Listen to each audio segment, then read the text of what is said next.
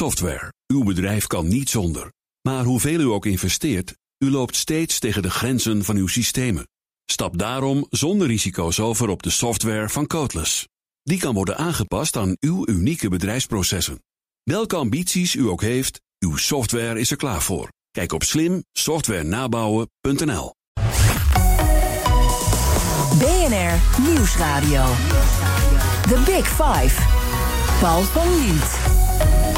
Duitsland maakt zich op voor de verkiezingen en dat betekent dat er na 16 jaar een einde komt aan het tijdperk van Angela Merkel. Hoe laat de bondskanselier de grootmacht Duitsland achter? En wat betekent een nieuw politiek speelveld voor de betrekkingen met onze oosterburen? Dat onderzoek ik deze week in BNS Big Five van Duitsland. En vandaag is Karsten Brzeski, hoofdeconoom ING Duitsland bij me. Welkom. Goedemorgen, dankjewel voor de uitnodiging. Voordat ik, uh, voordat ik het met je ga hebben over de economische erfenis van Merkel, eerst twee dingen. En liefst ook goede, duidelijke, heldere antwoorden. Uh, wat, hoe zit het met de nieuwe bondskanselier? Hè? Welke nieuwe bondskanselier, met welke is de Duitse economie het allerbeste af? Ik moet kort zijn, hè? Maar Zeker. Ik denk, ik denk, dan toch Olaf Scholz. Want Olaf Scholz staat een klein beetje voor gewoon een voortzetting van het Merkel-beleid. Met een goede coalitie, dan krijg je verandering. Niet zoveel, want de Duitsers houden ook niet van te veel verandering. Nee, nou, dat is een heel mooi, kort en duidelijk, helder antwoord. Het interessante is wel, als je Olaf Scholz noemt... Hè, ik zeg nu al blijf erbij tot het eind van de uitzending... want dan gaan we nog iets heel bijzonders over Olaf Scholz vertellen. En daar heb jij ook bijna direct mee te maken. Mag ik het zo ongeveer zeggen? Ja, mag nou, ja, oké, een beetje wel. Het gaat heel ver, maar het is wel, spannend genoeg, maar het is wel waar. En dan uh, de tweede vraag. waar voer je het meest uit? Duitsland of Nederland? Ah, ook een heel lastige vraag. Ik heb uh, een Nederlandse vrouw, ik heb Duits-Nederlandse kinderen. Ik woon nu weer in Duitsland. Ik voel me eigenlijk in Europa thuis. Ja, die achternaam zegt ook alles natuurlijk. Hè. Waar komt die dan oorspronkelijk vandaan? Dat is oorspronkelijk Pools. Een Poolse naam ook nog. Nou, moet je kijken, zeggen heel veel raakvlakken natuurlijk met de Duitse verkiezingen ook. Echt een cosmopoliet ben je ook? Ja, een klein beetje, maar vooral Europeaan. Kijk eens even, nou, dat vindt Angela Merkel ook. Hè, dat, dat is misschien wel leider van Europa. Dat is meteen al een woord dat je eigenlijk niet in de mond mag nemen. Komen we ook nog op. Angela Merkel, ze vertrekt als bondskanselier van Duitsland. Verkiezingen zicht een mooi moment ook om terug te blikken op, uh, op haar nalatenschap. En je ziet nu heel veel analyses ook. Hè. Je, het interessante is, vind ik in de analyses... Merkel wordt op allerlei verschillende manieren geïnterpreteerd. Zo makkelijk is ze ook er niet te vatten. Is het een ongrijpbaar iemand? Een klein beetje wel, want ze praat heel weinig over. Hè. Dus je moet heel veel uh, dus je moet heel veel kijken, wat, wat, wat, heeft ze nu eigenlijk gedaan? En ja. um, wat je bij haar ziet, is, ze heeft nauwelijks veel gezegd. Dat ging altijd met via ogen, via, via gebaar. En um, ik denk dat ze heel moeilijk te handhaven is en ook te interpreteren En dat was eigenlijk ook altijd haar kracht. Dat maakte haar zo sterk. Dat maakte het ook lastig voor politieke tegenstanders, maar ook tegenstanders uit haar eigen partij, om haar op een manier aan te vallen. En wat het zeker is, zij is heel veel lang onderschat. Dus dat is voor mij een van de belangrijkste uh, ja, eigenschappen van Merkel. Heeft het haar geholpen dat ze ook niet door wat voor ideologie uiteindelijk dan ook gedreven wordt? Hè? Want als ze al die interviews achter elkaar zetten, kun je misschien die conclusie wel trekken. Ik denk zeker geen enkel ideologie. Nou, je kan zeggen een beetje nadeel. Hè? We hebben het ook straks over. Is dat ze daardoor ook weinig visie had over economische hervormingen. Um, maar zeker geen ideologie. Zij is een super intelligente vrouw. Um, dus die eigenlijk en ook haar krachten had in het crisisbeleid. En dat hebben we eigenlijk de afgelopen 16 jaar gezien. Dus uh, hoe, hoe blijft Angela Merkel ons, of in ieder geval mij, ja, in de analyse ja. in mijn hoofd staan? Daar, toch als een geweldige crisismanager. Financiële crisis, eurocrisis, Griekenlandcrisis vluchtelingencrisis en nu ook de pandemie. Dus daar staat Angela Merkel voor. Ja, nu is het wel zo fijn voor dit interview als we proberen wat kanttekeningen te maken. Daar zal ik zo meteen mijn best voor gaan doen. Maar eerst even terug in de tijd als we haar economisch gaan beoordelen. Want hoe trof Merkel 16 jaar geleden Duitsland aan op economisch gebied? Was het een puinhoop of kwam ze er juist uh, heel mooi in? Duitsland was net nog een puinhoop. Uh, want we hadden Gerhard Schreuder, die gewoon in ja. feite met de rug tegen de muur net nog was begonnen met structurele hervormingen. Dan was die agenda 2010, daarmee was gewoon de, de Duitse arbeidsmarkt werd flexibeler gemaakt. Um, dat gebeurde zo 2004. Nou, toen voelde Schreuder, want hij moest als sociaaldemocraat hervormingen doorvoeren die zijn eigen partij helemaal niet wilde. Dus toen ging hij vervroegd naar de verkiezingen. Ja. En uh, dat was voor mij de enige politieke fout van Schreuder, dat hij te vroeg ging. Want juist het jaar daarna, 2006, voor heel veel Duitsers heel belangrijk, ook vanwege het eh, WK voetbal. Ja, waar ook, Duitsland in de ogen van heel veel buitenlanders opeens toch een veel opener uh, land was geworden. Nou, in 2006 was eigenlijk, want toen kon um, Merkel in haar eerste jaar als bondskanselier oogsten van gewoon de economische hervormingen van Schreuder. Interessant zeg, maar ook dankzij Jurgen Klinsmann, waar we bijna weer vergeten. Een klein beetje Jurgen Klinsmann en, ja. en, en Jogi Leuf. Dus uh, dat, dat, dat, speelde, speelde zeker een rol. En, en niet voor niks dat, dat je Angela Merkel ook in al die jaren heel vaak zag um, bij het voetbal. Ja, uh, zeker, van, uh, van die manschaft. Uh, maar goed, Duitsland kwam net dus van 5 miljoen werk, werklozen een klein beetje weer in en maakte een inhaalslag toen, toen Merkel kwam. Maar ja, toch interessant wat jullie allemaal zegt. Even toch nog aan, naar Schreuder. Want alles is timing, hè, met name de politiek. En dat is uh, met, met ja, een klein beetje uh, mazzel voor Schreuder... had hij hier gewoon twintig jaar gezeten. Dat had gekund. Dat had zeker gekund, want uh, toen Schreuder in, in zijn eerste termijn zat, uh, 98 tot 2002, toen hadden we Duitsland als zieke man van Europa. Ja. Klein beetje, een beetje die discussie die we nu hebben. Er was te veel maakindustrie in Duitsland, we hadden de ICT-revolutie. Ja. Um, Duitsland stond achter. En uh, nou, toen is Schreuder dan begonnen met economische hervormingen. En als hij gewoon iets langer had gewacht en niet eigenlijk gewoon naar, naar, naar vroegtijdige verkiezingen was gegaan, dan zou hij dan misschien inderdaad ook zijn 16 jaar zeker. Mag ik misschien een beetje grote woorden nu gebruiken? Dat had ook de hele Europese geschiedenis veranderd natuurlijk. Want Schreuder, inderdaad hervormingsgezinde. Als, als iemand nou niet hervormingsgezind is... dat is de grootste kritiek bijna ook op Merkel, dan is zij het wel. Duitsland en ook Europa had er totaal anders uitgezien. Zit ik nu een beetje expres wat te overdrijven, maar eh, klopt ja, het ongeveer? Maar er zit een klein beetje iets in. Kijk, ik denk niet dat je met Schreuder um, geen financiële crisis had gekregen. Dus die hadden we sowieso gekregen. Ja, dat ja, zou... Dus dat, dus dan, en dan is de vraag of, uh, of, of Schreuder ook zo pro-Europees was geweest als Merkel. Want vergeet niet, Schreuder was toch iemand die eigenlijk heel veel de nationale kaart speelde.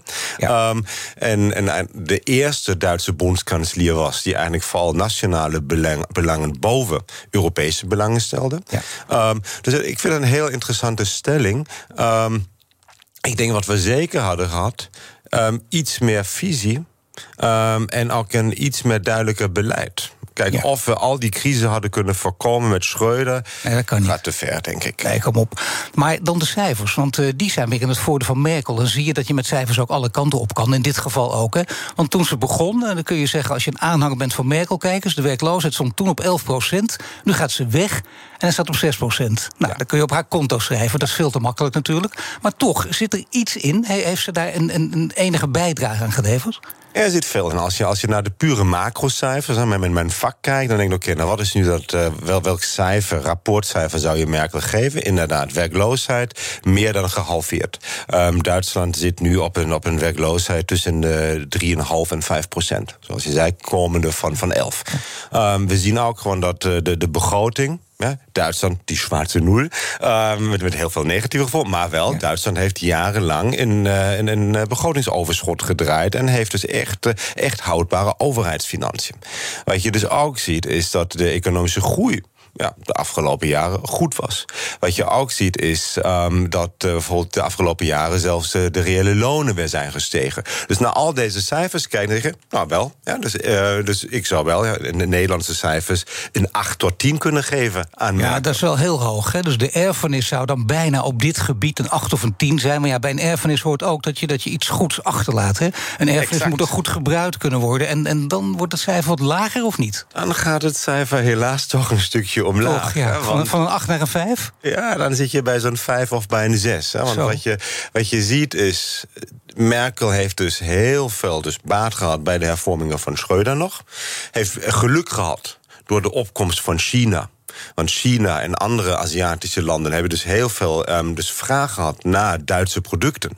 Dus dat hele verhaal van dat Duitsland te veel maakindustrie had, ja, dat was opeens niet meer een nadeel, maar een voordeel. Um, en daarmee is Duitsland door de financiële crisis heel snel doorheen gekomen.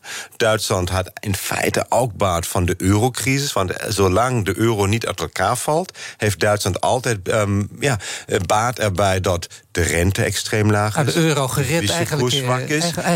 De, als ik de Griekse crisis mag noemen, ja. hè, bijna, dat, dat, dat, kun je op het konto van Merkel zeker schrijven. Is het dan niet heel gek dat het in, dit, in al die debatten, die steeds niet het duel met z'n drieën, maar het triel worden genoemd in Duitsland, is het niet gek dat het nauwelijks gaat over Europa en de euro? Nauwelijks, geen enkel keer.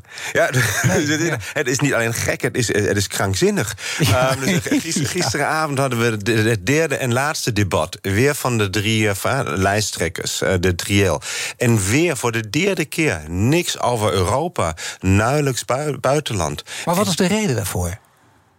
Um, wat je ziet is natuurlijk, het is een groot land. Um, Duitsland is de afgelopen jaren ook door deze grote en sterke economische cijfers. Um, weer veel meer naar zichzelf gaan kijken. En eigenlijk veel, veel minder naar het buitenland gaan kijken. Ik, ik, toen ik zeven jaar geleden vanuit uh, België naar Duitsland verhuisde... en eigenlijk voor het eerst in mijn leven in Duitsland zelf ging werken... toen was ik verbaasd hoe weinig Duitsers naar het buitenland kijken... om nog iets te leren. Ja, je had eigenlijk weer. Kijk, we hebben 16 jaar Merkel was. Nou, waar kijkt Duitsland automatisch naar? Naar de Amerikaanse, naar de Engelsen en nu nog een klein beetje naar de Chinezen. Nou ja, met Trump werd er heel weinig naar Amerika gekeken, want dan voelde men zich toch beter. Nou, de Britsen ook niet meer vanwege Brexit. En China, dat, eh, die, die hele relatie verandert ook uh, de, de, afgelopen jaren. Maar heeft ze dan toch van Trump geleerd? America first en nu is het Germany first? Dat hebben in ieder geval nu alle partijen geleerd. Of, uh, of Merkel dat zo heeft geleerd, dat blijft denk ik nog steeds een raadsel. Maar als je nou nu naar de, naar de verkiezingsprogramma's kijkt, dan is het heel duidelijk: hè? Uh, Germany first, uh, Europe second. Um, want je ziet wel dat alle partijen nu proberen een klein beetje verandering door te voeren. Maar dus meer investeren, digitaliseren. Dus eigenlijk al die, al die buzzwords die je ook in Nederland kent. Ja. Uh, klimaatverandering, Kijk. digitaliseren, infrastructuur. Um, en, en een klein beetje structurele hervormingen. Maar als je dan vraagt naar en, en Europa, moet je dat niet Europees doen? Nou, daar hoor je heel weinig. Kijk terug nog, we zijn het bijna vergeten, voor de pandemie. Toen is Duitsland zelf begonnen met het eerste, een eerste Green Deal. Een klein budget tegen de bestrijding van de klimaatverandering. Dat was geen Europese initiatief, die kwam pas later. En, en dat hebben we de afgelopen jaren heel vaak gezien. Dat Merkel, denk ik, een, ehm, een ja, is begonnen vooral de, eerst Duits belang. En als het Duitsland goed uitkomt, dan ga je ook op Europees belang in. BNR Nieuwsradio. Deze week The vijf. Big Five. Paul van Liemt. Deze week vijf kopstukken uit de wereld van Duitsland. Mijn gast is Karsten Brzeski, hij is IRG, hoofdeconoom Duitsland. Ja, de meest recente crisis is de coronacrisis. Die viel samen met het Duitse voorzitterschap van de EU. Merkel moest alle voor opgezette plannen overboord gooien. Ze moest zorgen dat de EU heelhuids en ook eensgezind economisch, politiek en sociaal overeind bleef. Nou, als ik dat zo in een paar zinnen zeg, dat is een ongekend karwei bijna. Is het haar gelukt om dat voor elkaar te krijgen? Ja, Heel kort en krachtig. Heel kort en krachtig. Dus daar toch weer die 8 en die 9. Um, ja. ja. En, en, en ook weer, en dat is natuurlijk het, het fenomeen Merkel. Kijk, 2017, laatste verkiezingen. Nou, Merkel werd opnieuw gekozen. Begin 2018, nieuwe kabinet komt binnen. Um, iedereen dacht, oké, okay, laatste termijn van Merkel. Wat is nu haar grootste uh, nalatenschap? Um, dus gaat zij nu echt voor meer Europese integratie? Nou, kwam eigenlijk niet. Toen kregen we de pandemie. En uh, we weten allemaal, maart, april 2020... financiële markten gewoon heel onrustig. Toen kwamen weer zorgen dat eventueel de Zuid-Europese landen... niet in staat zijn om in feite de kosten van de pandemiebestrijding zelf te kunnen betalen. Ja. Nou, eh, en vooruitlopend op misschien krijgen we een nieuwe eurocrisis, is Duitsland heel sterk. Eerst voor zichzelf, nou, eerst voor zichzelf een enorme begrotingsimpuls, conjunctuurpakket uh, um, daar binnen gehaald. Maar dan ook in de zomer 2020 gewoon het Europees project. En, um, en, en, en dat is denk ik wel duidelijk op naam van, van Merkel. Maar dat is wel heel bijzonder, hè? want toen ging het over, de discussie ging voortdurend over, dat kan niet, dat doen we ook nooit, we zijn zuinig en we gaan niet iets weggeven. Dat is ook electoraal niet slim, zo, zo, zo zit Duitsland ook niet in elkaar. Uiteindelijk kwam er dan toch een soort compromis uit. Hè. Het is een gift, het is voor een groot deel zelfs inderdaad een gift. Zo mag en moet je het ook noemen. Maar het is eenmalig. En dat bleef ze maar benadrukken, dat eenmalige. Is dat dan een sterkte of is dat juist een zwakte dat je het zo neerzet? Het was uh, realpolitiek. Want, ja. want, ja. want, zij moest ja. het in Duitsland zo verkopen.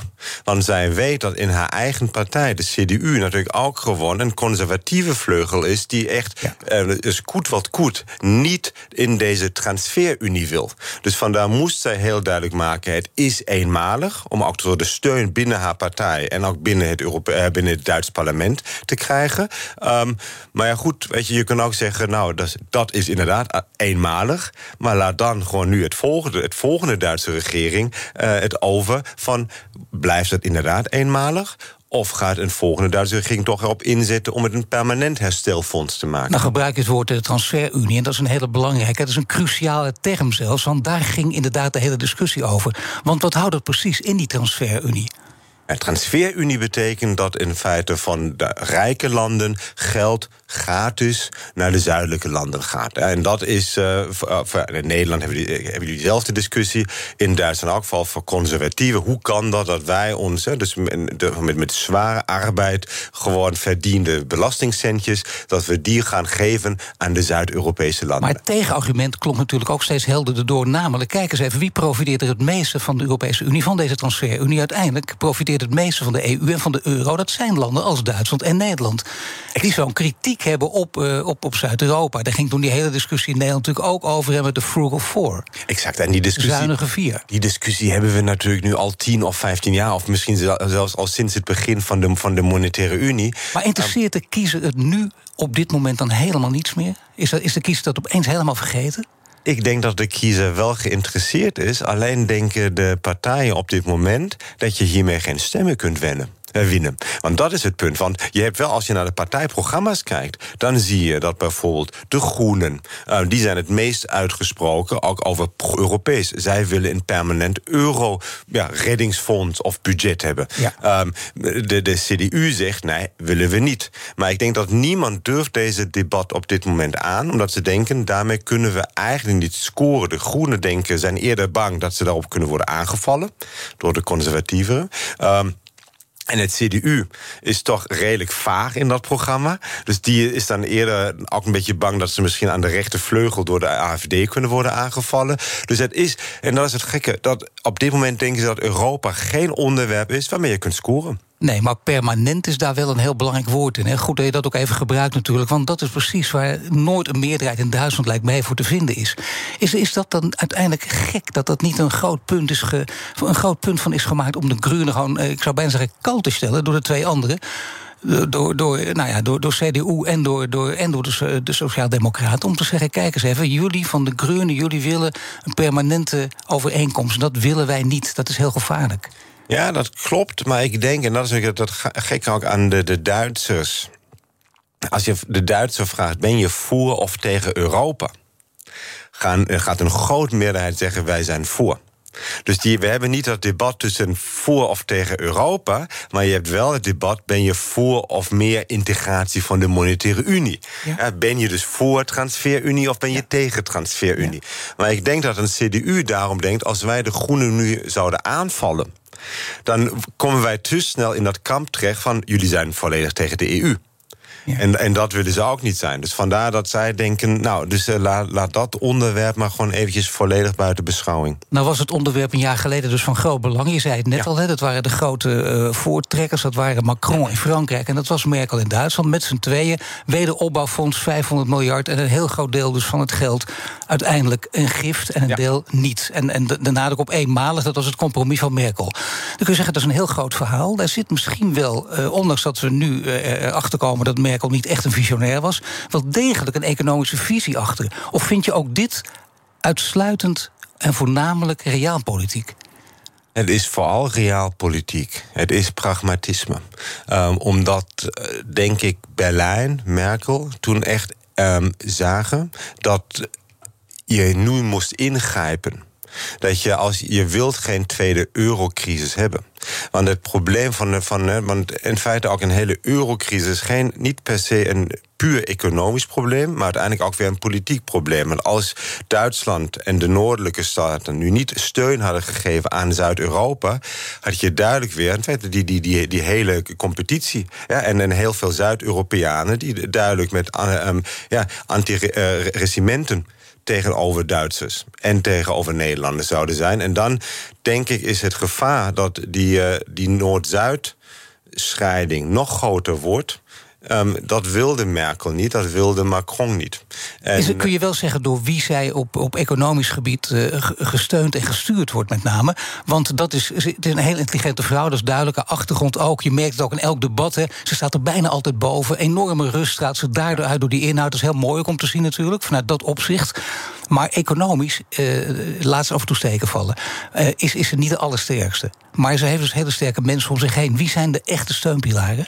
Ja, ze heeft, en dat zijn vaak de adviseurs. Ik denk één zwakte van, het, uh, van die vier kabinetten Merkel was dat er eigenlijk, behalve in het allereerste kabinet met toen Per Steinbrück, toen hij minister van Financiën was, ja. er drie keer gewoon geen econoom aan het hoofd van het ministerie van Financiën stond. Um, en, uh, en dat zeker het ministerie van Financiën onder Wolfgang Schäuble vooral werd in feite gestuurd door, door juristen. Ja. Uh, dus heel technisch. Nou, dat maakt het lastiger. Merkel heeft wel heel veel slimme mensen in dat uh, Bundeskanzler, ministerie van uh, Algemene Zaken is dat. Um, en, uh, en, en daar zitten mensen die eigenlijk in, in een groot publiek niet bekend zijn. Um, die, die haar adviseren op, op, op gebied van economisch beleid. Maar die mensen die niet zo bekend zijn met het grote publiek, hè, zijn dat mensen die voornamelijk in de richting van bijvoorbeeld de bankenlobby zitten? Of zitten die in de richting van andere lobby's? Nee, het zijn meer mensen die eigenlijk uit de wetenschap komen. Um, en um, een eentje daarvan die was ooit um, hoofdeconoom bij de Europese Commissie, maar dan voor, voor mededingen. dan, heb je, dan heb je andere mensen die, eh, die, die komen ook meer uit de, de, uit de wetenschap. Maar interessant, als je dit zegt, dan denk ik, dan zit er toch een visie achter. Dat is, dat is eh, uitgerekend Merkel die op de wetenschap leunt, dat hij hier dus ook doet, op economisch terrein ook doet. Ja, zij, zij is natuurlijk, en dat was het, het fantastische tijdens de pandemie. Daar zat echt de wetenschapper die tijdens een persconferentie ja. Exponentiële berekeningen uit haar hoofd kon doen. Ja, dat doen haar ja, niet veel na. En, uh, en, en die dus duidelijk gewoon gevoelig is voor gewoon wetenschappelijke analyse. Straks praten we verder. Dan gaan we verder praten over de verkiezingen en over de gevolgen van de vergrijzing in Duitsland. Software. Uw bedrijf kan niet zonder. Maar hoeveel u ook investeert, u loopt steeds tegen de grenzen van uw systemen. Stap daarom zonder risico's over op de software van Codeless. Die kan worden aangepast aan uw unieke bedrijfsprocessen. Welke ambities u ook heeft, uw software is er klaar voor. Kijk op slimsoftwarenabouwen.nl. BNR Nieuwsradio. The Big Five. Paul van Liemt. Welkom bij het tweede half uur van BNS Big Five. Deze week vijf kopstukken uit de wereld van Duitsland. Later deze week praat ik nog met de directeur van het Duitsland Instituut. De gast is Karsten Brzeski. Hij is hoofdeconoom van ING Duitsland. Ja, bondskanselier Merkel die nam begin deze maand al een voorschot op de verkiezingen. En, en natuurlijk in de richting van de voor haar gewenste uitslag. En in zo'n toespraak eh, zei ze toch wel interessante dingen. Ze prees eh, de mogelijk volgende regering onder leiding van haar opvolger, mogelijke opvolger Armin Laschet, als een regering die ons land de toekomst inleidt met gematigdheid. Dat lijkt me heel slim, hè? Gematigdheid, dat draait er toch allemaal om? Wat bedoelt ze daar precies mee? Ja, zij had heel veel problemen eigenlijk om Armin Laschet te ondersteunen. Ja, en, ja. en dat kwam volgens mij niet van harte. Nee, um, dat was ook te zien af en toe. Ja, ja. het leek me alsof ze er echt een pijn had om, om, om, om, om dat naar buiten te brengen. Nee, het grappige was dat ze al eerder ook werd gevraagd... Nou, en, en wie gaat u stemmen? Nou, Heb je het idee dat ze Scholz gaat stemmen, of niet stiekem toch? Ik denk dat ze eigenlijk aan het begin een voorkeur had voor Annalena Baerbock. Uh, dus ook een vrouw, dus van, van de Groenen. Ja. Um, en, uh, of, en of ze dan nu. En, maar ik denk dat nu door haar partij werd gezegd: je moet nu echt in actie komen, want de peilingen staan er niet goed voor. En daarom heeft de Merkel nu toch een, een paar keer gewoon echt uh, nou, het opgenomen voor, voor. Ja. En, nou, en met dat gematigdheid, dat is natuurlijk wel een beetje nou, ja, een voortzetting van mijn eigen beleid. Want blijkbaar houden de Duitsers. De Duitsers zijn voor, voor de Duitsers is Angela Merkel nog steeds de, de meest geliefde politicus. Um, dus uh, met een hogere populariteit dan de drie um, kanslerkandidaten op dit moment. En nog steeds, ja. Dat is inderdaad heel pijnlijk voor die drie. Bovendien trouwens ook in Europa, hè? Oh, Schoort ze ja. hoge ogen, toch? Ja, ja er, is toch, er is toch in feite blijkbaar eh, haar, haar eigenschappen zonder ego. Um, dus die, die eigenschappen van bescheidenheid. En, en echte bescheidenheid. Niet alleen maar naar, naar, naar buiten toe zo doen alsof Maar, maar, maar deze vrouw is dus echt intelligent, bescheiden. Nou, en dat spreekt blijkbaar heel veel mensen aan. Nou, het is mooi dat je dit zegt, want het lijkt dan, uh, lijkt een opeenstapeling van clichés. Dat zou het normaal gesproken zijn, maar hier niet. Hè. Nee, maar natuurlijk. Je zegt ja. bescheiden. we hebben het kunnen zien dat het zo is. Een heel groot publiek heeft dat kunnen zien. En vooral bijzonder dat ze het zo lang volhoudt. Hè. Want meestal na 8, 9, 10 jaar gebeurt er iets. Met Gerhard Schreuder zag je dat toch ook? Ja. Die vond opeens een wereld van blink blink. Dat werd opeens interessant, hè?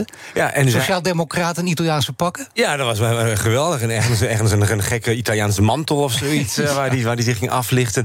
En bij Merkel had je dat helemaal niet. Je had wel um, voor de verkiezingen 2017... Hè, met de hele vluchtelingencrisis... toen zag je dat zij daar eigenlijk een beetje genoeg van had.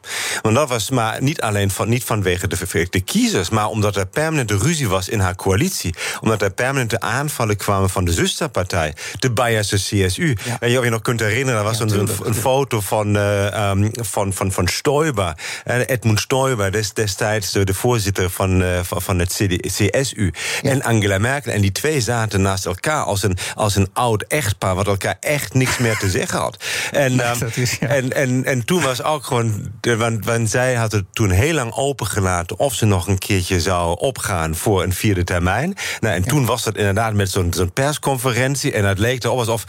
Maar goed, ik ga het doen. Ja, maar, maar er was geen enkel energie, geen enkel verf. Die kwam dan later weer terug. Ja, toen was de lucht er inderdaad even uit. Ja, dat was misschien het enige moment dat je, ja. dat je een moment van twijfel, ook bij haarzelf. Ja, ik denk het wel. Maar toch, dat gematigde beleid. Hè, gaat ervan uit dat dat gematigde economische beleid nog vier jaar wordt voortgezet. Wat brengt Duitsland en wat brengt Europa, dat gematigde beleid, op economisch gebied? Heel weinig. En dat is het ja. erge. Ja. ja. want ondanks alle lofgezang nu voor, voor Angela Merkel... en uh, die dus echt ook van, van harte komt... Um, maar wat we de afgelopen 16 jaar niet hebben gezien... zijn economische hervormingen. Nee. Wat we ook niet hebben gezien zijn investeringen.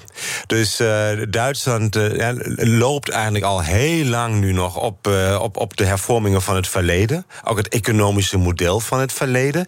En... Um, omdat het toch altijd nog goed ging, was er eigenlijk geen gevoelde noodzaak om te veranderen. Ja, ook in haar omgeving blijkbaar niemand die druk kon zetten op met name klimaat en digitalisering. Want dat zijn inderdaad de buzzwords, maar niet voor niets ook. Hè. Daar moet je dan wel invulling aan geven. Dus niet alleen maar het verhaal, maar ook de uitvoering. Niet alleen het idee, maar ook de uitvoering. De, de dat heeft ze dus flink laten liggen. Dat heeft ze enorm laten liggen. Uh, en de, de, meeste Duitsers kennen nog een uitspraak van haar. En toen ging het over internet is Neuland. Uh, oh, ja. Dat zei ze ergens in, in 2015. Ja, um, zo. Als, als, je, als, je naar de, als je naar de verkiezingsprogramma's van nu kijkt... en die vergelijkt met uh, die van 2017 op het gebied van digitalisering... ze zijn bijna identiek. Um, dus de, de beloftes en de ideeën waren er altijd... maar het omzetten hiervan is heel lastig. Nou, en dan, is ook, dan kan je, dus, nou, daar kunnen we uren over praten. Duitsland is ook een ingewikkeld land met een federale structuur. Dus het ligt niet alleen maar altijd aan Berlijn. Nee, 16 uh, staten die Precies, allemaal ook veel de, de, te zeggen hebben, veel macht. Je kunt er niet zomaar wat doorvoeren. Dan heb je nog de gemeentes die moeten doorvoeren. Um, maar natuurlijk, kijk, als, als, als Berlijn als de, de bondskanselier dit niet als chefsache ziet om gewoon echt door te zetten, nou dan is het lastig. En, en dat heeft Merkel echt laten liggen. Dus vandaar nog een keer vier jaar gematigd hopen dat in feite we alleen maar kunnen teren op, uh, op de ja, successen uit het verleden. Het is heel gevaarlijk. En ik maak altijd een mooie parallel met uh, die manschaft, hè, de Duitse voetbal. Ja, zeker, dat en je ziet, we hadden het aan het begin over Jurgen Klinsmann uh, ja. in 2006. Nou, in feite, die manschaft begon echt op een stijgende lijn. Parallel met, uh, met het kanselierschappen van Merkel. Nou, tot een hoogtepunt. Ja. 2012, 2014, wereldkampioenschap. En, uh, en sindsdien uh, heeft ook voor het voetbal niet meer ge, geen hervormingen gedaan. Niet in nieuwe dingen geïnvesteerd. Nee. En het gaat. En, en ze teerden gewoon heel lang op successen uit het verleden. Ja, maar als ik parallel even mag doortrekken en die vergelijking. Kijk, dan heb je natuurlijk een nieuwe coach. Die, die misschien wel hervormingen gaat doorvoeren. Die ja. wel nieuwe dingen gaat doen. Uh, meneer Vliek, dat is toch wat anders. En dat kun je van deze drie niet verwachten, heb ik idee. Of laat ik zeggen van de twee die nu uh, waarschijnlijk gaan, een van de twee gaat winnen, Scholz of Lachette. En, en, en dat is wel lastig natuurlijk. Hè. Met name als je kijkt naar het klimaat, ook in de verkiezingen. Niemand, ook de Groenen, durven bijvoorbeeld uh, ja, iets te zeggen wat met minder vlees eten te maken heeft. Want oh, dat kan niet, dat is een verbod. Ja, precies. Verbod, dan, dat dan, zijn de Groenen weer een verbodspartij. Dus vandaar ze, Ja. dus, eh, ze durven het niet te zeggen. Dat, dat klopt. Ehm, en, en dan het verschil met voetbal is dat eh, meneer Flick die kwam nu nadat Duitsland gewoon twee verschrikkelijk slechte toernooien heeft gespeeld. Nou, Ja. Duitsland heeft deze slechte toernooien economisch nog niet gespeeld.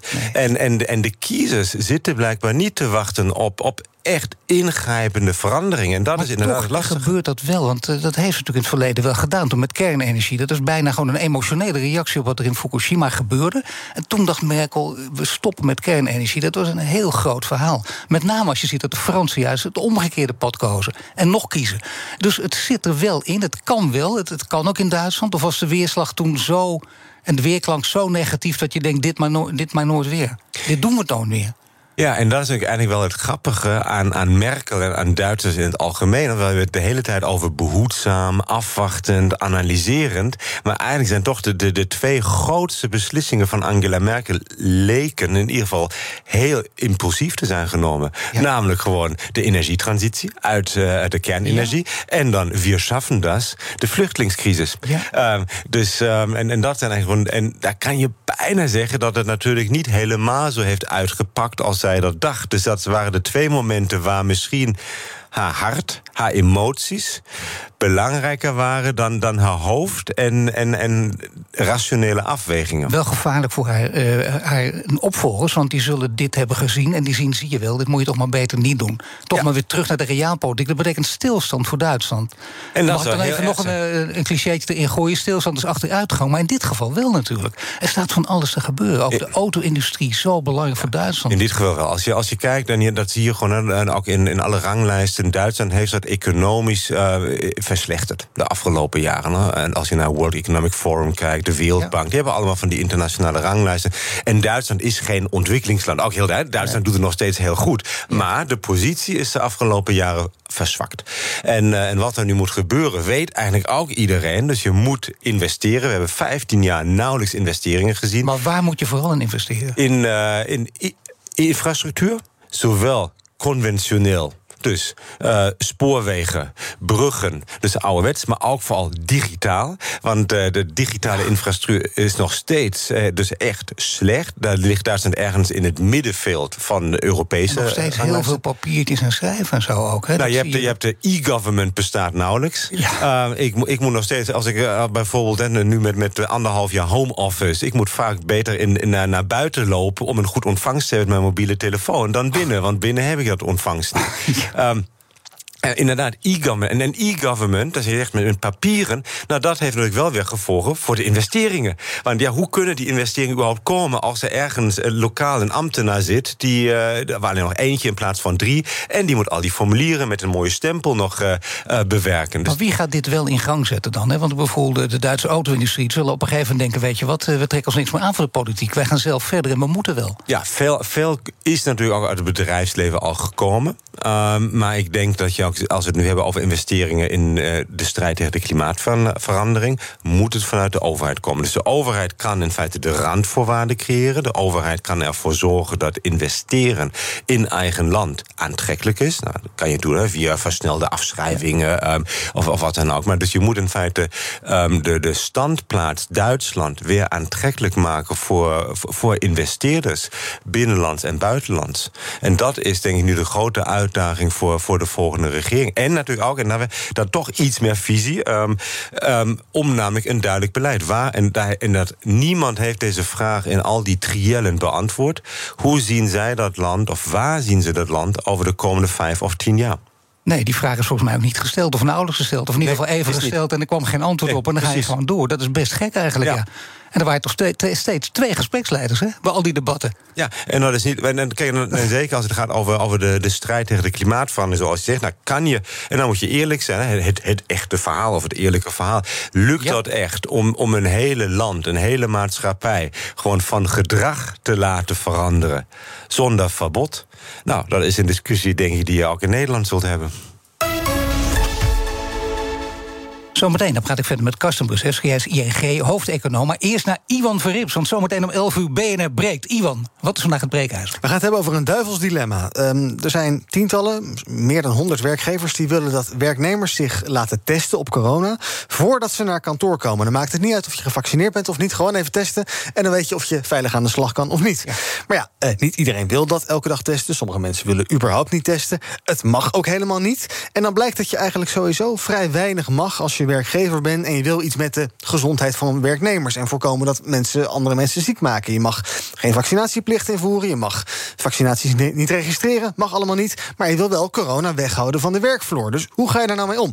Ons breekijzer vandaag is... er moet uh, meer mogelijk worden om coronarisico's op de werkvloer te beheersen. Ik ben heel benieuwd hoe onze luisteraars erover denken. Zijn ze het daarmee eens? En hoe dan? Hè? Misschien met de corona-check-app. heb je een uh, groen vinkje misschien? Of denk je, nee ja, de werkgever heeft gewoon niks te zoeken... Eh, te maken mijn gezondheid.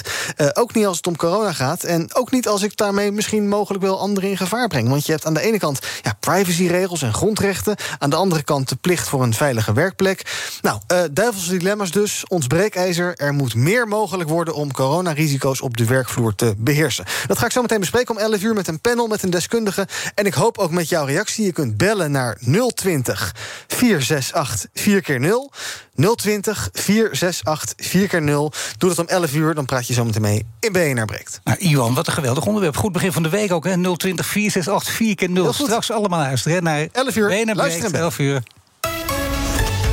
The Big Five. Je luistert naar BNR's Big Paul Five. van Liemt. De luistert naar Big Five van Duitsland. Mijn gast is Karsten Brzeski, hij is ING, hoofdeconoom. Ja, uh, we hoorden net ook uh, BNR Breek, dat is ook belangrijk. En natuurlijk een discussie over, over de pas. Hoe zit het daar eigenlijk mee in Duitsland? Um, nou, je zag in al die duellen of de debatten van komt er nog een nieuwe lockdown? Dus de pas is minder, is minder een debat dan, dan in Nederland. Hè? Dat is net zoals met, uh, met de, de, de, de maskers, uh, de, de mond, mondmaskers uh, of mondkapjes. Dus die discussie hadden we in Duitsland veel minder. In Duitsland heb je discussie nu over hoe ga je om met die nog 20, 30 procent die niet zijn gevaccineerd. Um, en inderdaad kan je ze nou, dwingen of niet. Dan heb je in elk debat gaat niemand zeggen weer verbod, want niemand houdt van, nee, uh, van dat verbod. Dus dat ga je niet zeggen. Maar we zijn in eenzelfde discussie. In Duitsland is het nu de, de 2G-regel. Dus je bent of getest of gevaccineerd. Nou, als je, als je dat kunt aantonen, dan heb je eigenlijk toegang tot alles. En als je dat niet kunt, dan uh, moet je blijkbaar buiten op terrasje zitten in de winter met een warmtestralen. Niet zo milieuvriendelijk. Nou ja, wat jij nu zegt, hè, dat is uh, Nederland en Duitsland vergeleken met elkaar. Maar we kunnen ook kijken naar de relatie tussen Nederland en Duitsland. Uh, hoe belangrijk is Duitsland voor Nederland als handelspartner? Nou, Duitsland is de grootste handelspartner van Nederland. Heel, heel duidelijk. Um, en um, vandaar is het economisch altijd belangrijk wat in Duitsland gebeurt. Het grappige is ook in die, in die 16 jaar Merkel zag je denk dat Nederland zich veel meer heeft beweegd richting Duitsland. Ja. In het begin was er toch veel meer kijken naar Londen, naar Downing Street, wat, wat daar gebeurt. En toen na de financiële crisis, toen het met Duitsland weer redelijk snel goed ging, was toch een beetje, oh, nou wat gebeurt eigenlijk bij, bij onze oosterburen? En de Brexit ook natuurlijk heeft heel de Brexit heeft dat, nog, heeft dat nog een keertje versneld. Um, en dat interessante is, dat ik wel aan het begin over hadden... dat de Duitsers voor mij eigenlijk toch iets vaker naar Nederland zouden kunnen kijken. Want het gaat altijd een beetje... We hadden een periode waarin Duitsland economisch duidelijk beter ging ja. dan, dan Nederland. Maar nu gaat eigenlijk Nederland weer een stukje beter dan Duitsland. Want ja, Nederland is toch iets beter op kenniseconomie, innovatie. Um, en daar zouden de Duitsers nu ook iets van kunnen leren... om hey, misschien moeten we toch... Uh, ja, weg van, van de pure maakindustrie. En ook kunnen kijken hoe we van Nederland iets kunnen Maar je zei al, die discussie speelt heel lang, hè, die pure maakindustrie. En, en de ICT ook. Dat is toch interessant. Dat speelde toen met Gerhard Schreuder ook. Voorafgaand aan Merkel, toen al in die periode. Als je dat in perspectief plaatst, heeft ze echt veel laten liggen.